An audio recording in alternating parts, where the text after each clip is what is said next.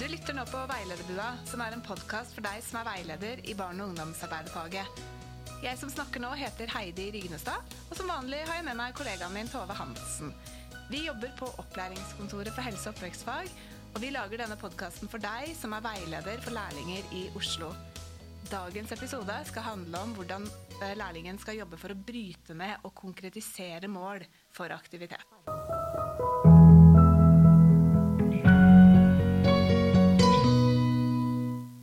Ja, for Tove, du og jeg har jo lagd annet, eh, en annen episode hvor vi snakka om nettopp dette med mål. Og vi har jo vært inne på det å bryte ned og konkretisere mål der. Mm. Men nå skal vi se på det en gang til. Og vi skal lære bort en liten metode for eh, hvordan man kan måle om målet er godt nok.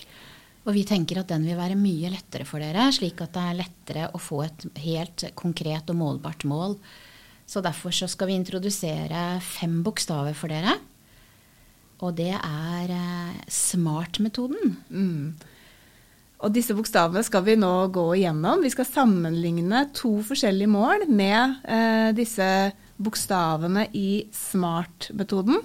Og så skal vi se hvilke mål er det som kan eh, være enklest å bryte ned. Eh, ta en kjapp eh, repetisjon av det vi snakket om i den andre episoden. Det, for der avklarte vi veldig dette med kompetansemål og mål som er satt fra utdanningsmyndigheter. Eh, de målene vi snakker om i denne episoden også, det er de målene som lærlingen eller barne- og ungdomsarbeideren setter for en aktivitet mm. som de skal ha. Mm. Og det er en ganske stor forskjell på det. Eh, og det, det, vi ser er jo at store mål kommer jo veldig ofte. Mm. Eh, har du et eksempel på et stort mål, eh, Tove?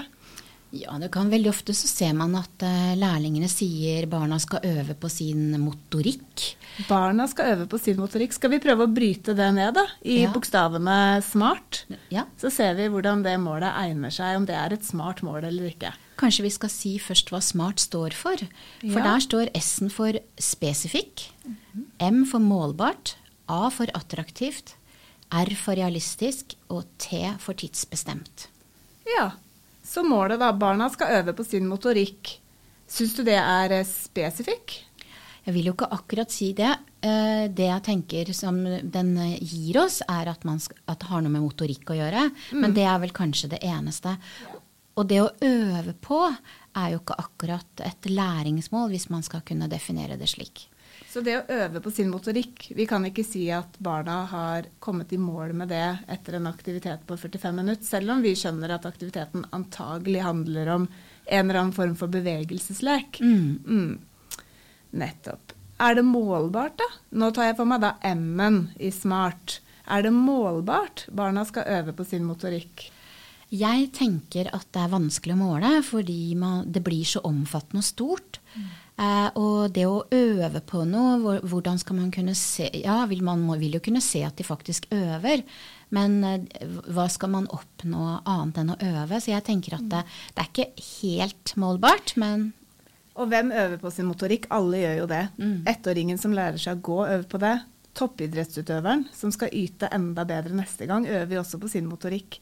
Så det er um, Det er jo på et vis målbart, men i forhold til hva? Det, mm. det, blir litt for stort. Men er det attraktivt, da? Barna skal øve på sin motorikk? Det kommer jo litt an på hva, hvilken aktivitet ja, du velger, rett og slett. Og det sier jo ikke Nei. målet noe om. Okay, Så det er ikke Vi kan egentlig ikke sjekke det opp mot A-en heller. Realistisk, det er jo R-en i SMART. Mm. Er det realistisk barna skal øve på sin motorikk? Det er Igjen så er det for stort mål, syns jeg, til at man kan svare verken ja eller nei på det. Mm. Eh, T-en i SMART står for tidsbestemt.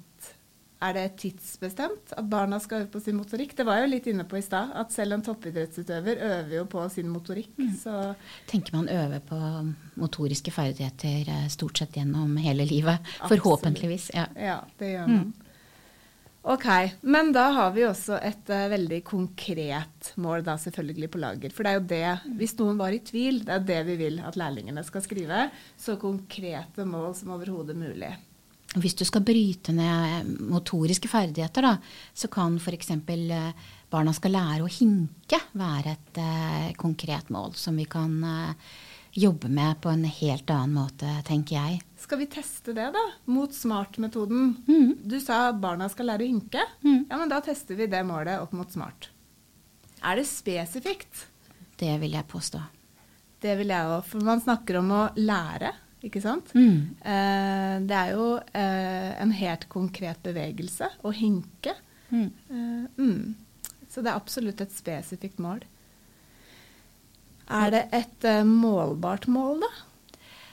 Helt klart. Det man vil kunne se om de lærer å hinke eh, i løpet av de 45 minuttene. Mm.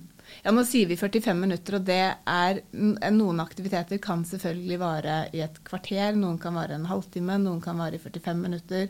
Noen, gjør man, noen aktiviteter gjennomfører man én gang, og andre gjennomfører man ti ganger. Sånn at, mm.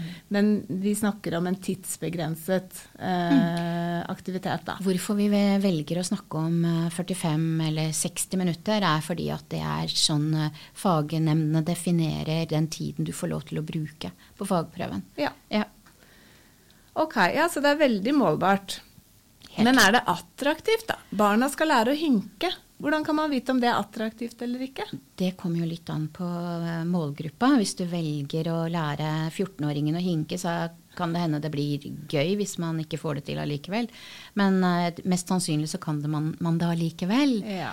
Så jeg tenker jo at uh, hvis man, hvis man har rett målgruppe, så, så, vil det være attraktivt. Og man vil kunne gjøre det moro for den gruppa også. Ikke sant. Ja, så det blir jo veldig eh, avhengig av målgruppa, mm. hvorvidt det er attraktivt eller ikke. Og det er jo eh, Det tenker jeg også vi kan snakke om under bokstaven R. Er det realistisk? For i det momentet man begynner å lære seg øve på Eller eh, har en aktivitet hvor man skal lære å hinke med ettåringene i barnehagen, så er jo heller ikke dette målet et eh, fornuftig mål å sette for en aktivitet. Eller det er ikke en aktivitet som er fornuftig å ha med ettåringer. Så attraktivt og realistisk er jo to bokstaver i denne smart-metoden som er veldig knytta til målgruppa. Eh, det jeg tenker er jo at vi skal jo snakke i en annen episode om det å velge rett målgruppe til rett aktivitet. Mm. Så jeg tenker at det var det vi hadde for i dag. Ja, vi skal vi... ta oss for oss den siste bokstaven nå, da. Nei, guri meg, har vi ja. ikke tatt tidsbestemt? Herlighet. For uh, det å lære seg å hinke, da Eh, tidsbestemt. Nå har vi vært litt inne på tid, eh, men det med da av en viss varighet 35-45-60 minutter eh, det er, det er, det på en måte realistisk å nå et sånt mål i løpet av den tiden det vil ta? Og det kan det jo være. Ja. ja. Mm. Og hvordan man gjør det, det er jo en helt annen episode, for da er vi inne mm. på metode. Ja. Om det skal være noe å holde seg fast i, eller Det er spennende, og det blir jo litt opp til deg som instruktør eh, sammen med lærlingen din å finne ut av hvordan finne en god, eh, en god metode og en god aktivitet for å nå målet mm. barna skal lære å hinke. Ja.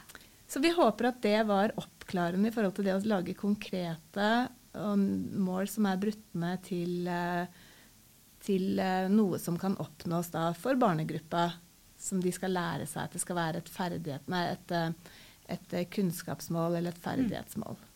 Og Smart-metoden den finner du i uh, støttemateriell til pod podkastepisodene våre mm. i OLK. Så det var vel det vi hadde for nå, Heidi. Det stemmer. Da ja. skal vi ta van som vanlig turen innom veiledningshjørnet. Og der sitter Gro Blomdal og Lise Ødemark og skal gi dagens veiledningstips.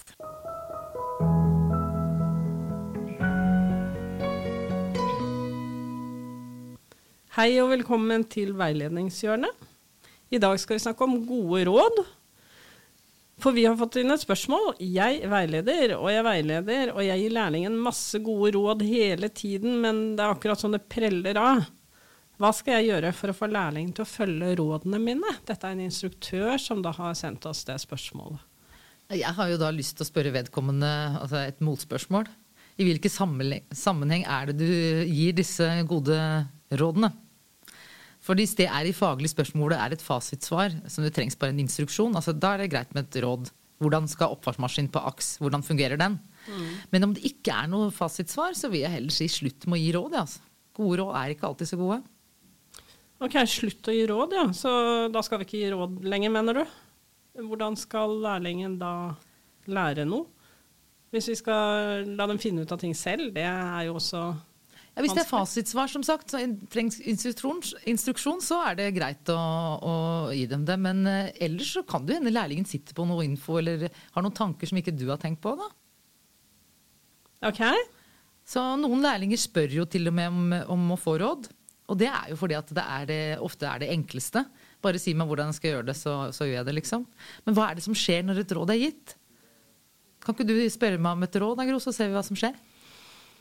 Ja, jeg sitter jo på hjemmekontor for tida, og det blir litt ensomt. Har du et råd å gi meg?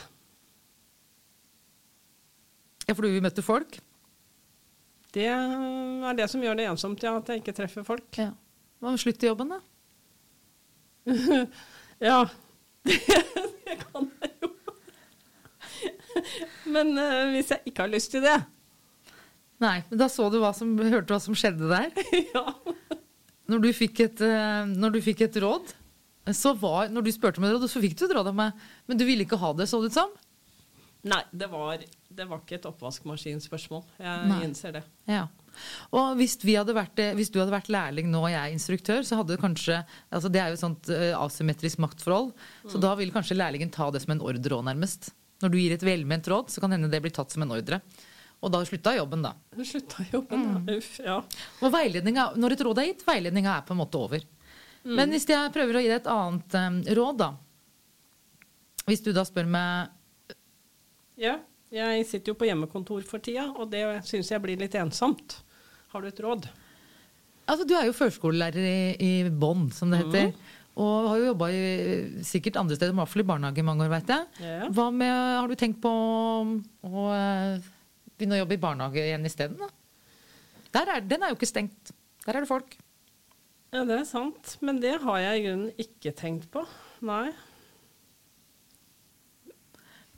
Ja, hvordan, eh, hvordan var dette? Var det råd noe bedre? Eh, nei. Det var jo Du spurte meg jo, men det var jo egentlig et råd, dette òg. Ja, Et såkalt fordekt råd. Har du tenkt på at uh, jeg pleier å gjøre sånn og sånn?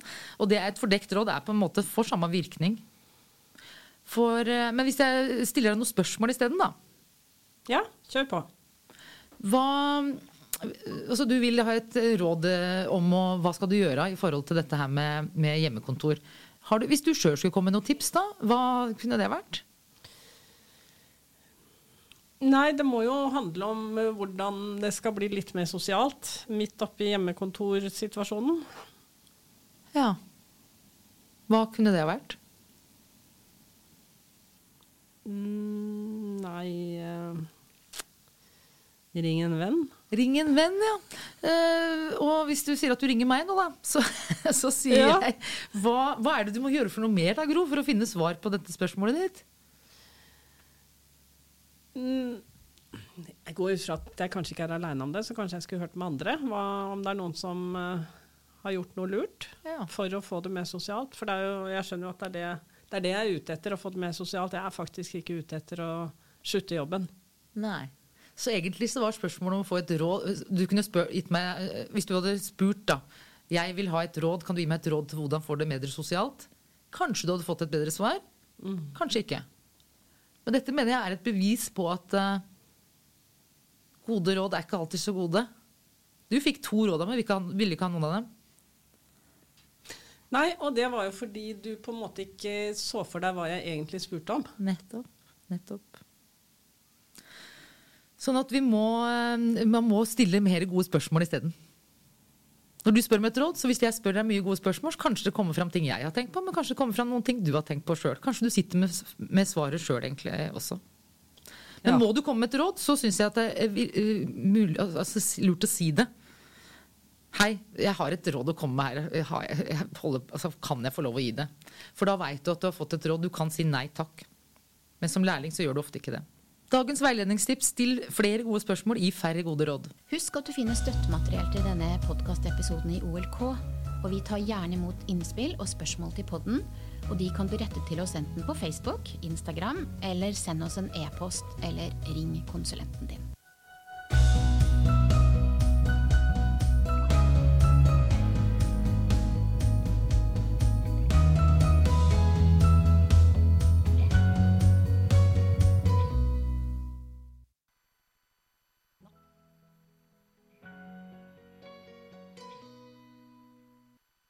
Med å konkretisere mål for aktivitet. Hei, du lytter nå på Veilederbua, som er en podkast for deg som er veileder i barne- og ungdomsarbeiderfaget. Jeg som snakker nå, heter Tove Hansen, og som vanlig har jeg Heidi Rygnestad. Jobber på opplæringskontoret for helse og oppvekst, og vi lager denne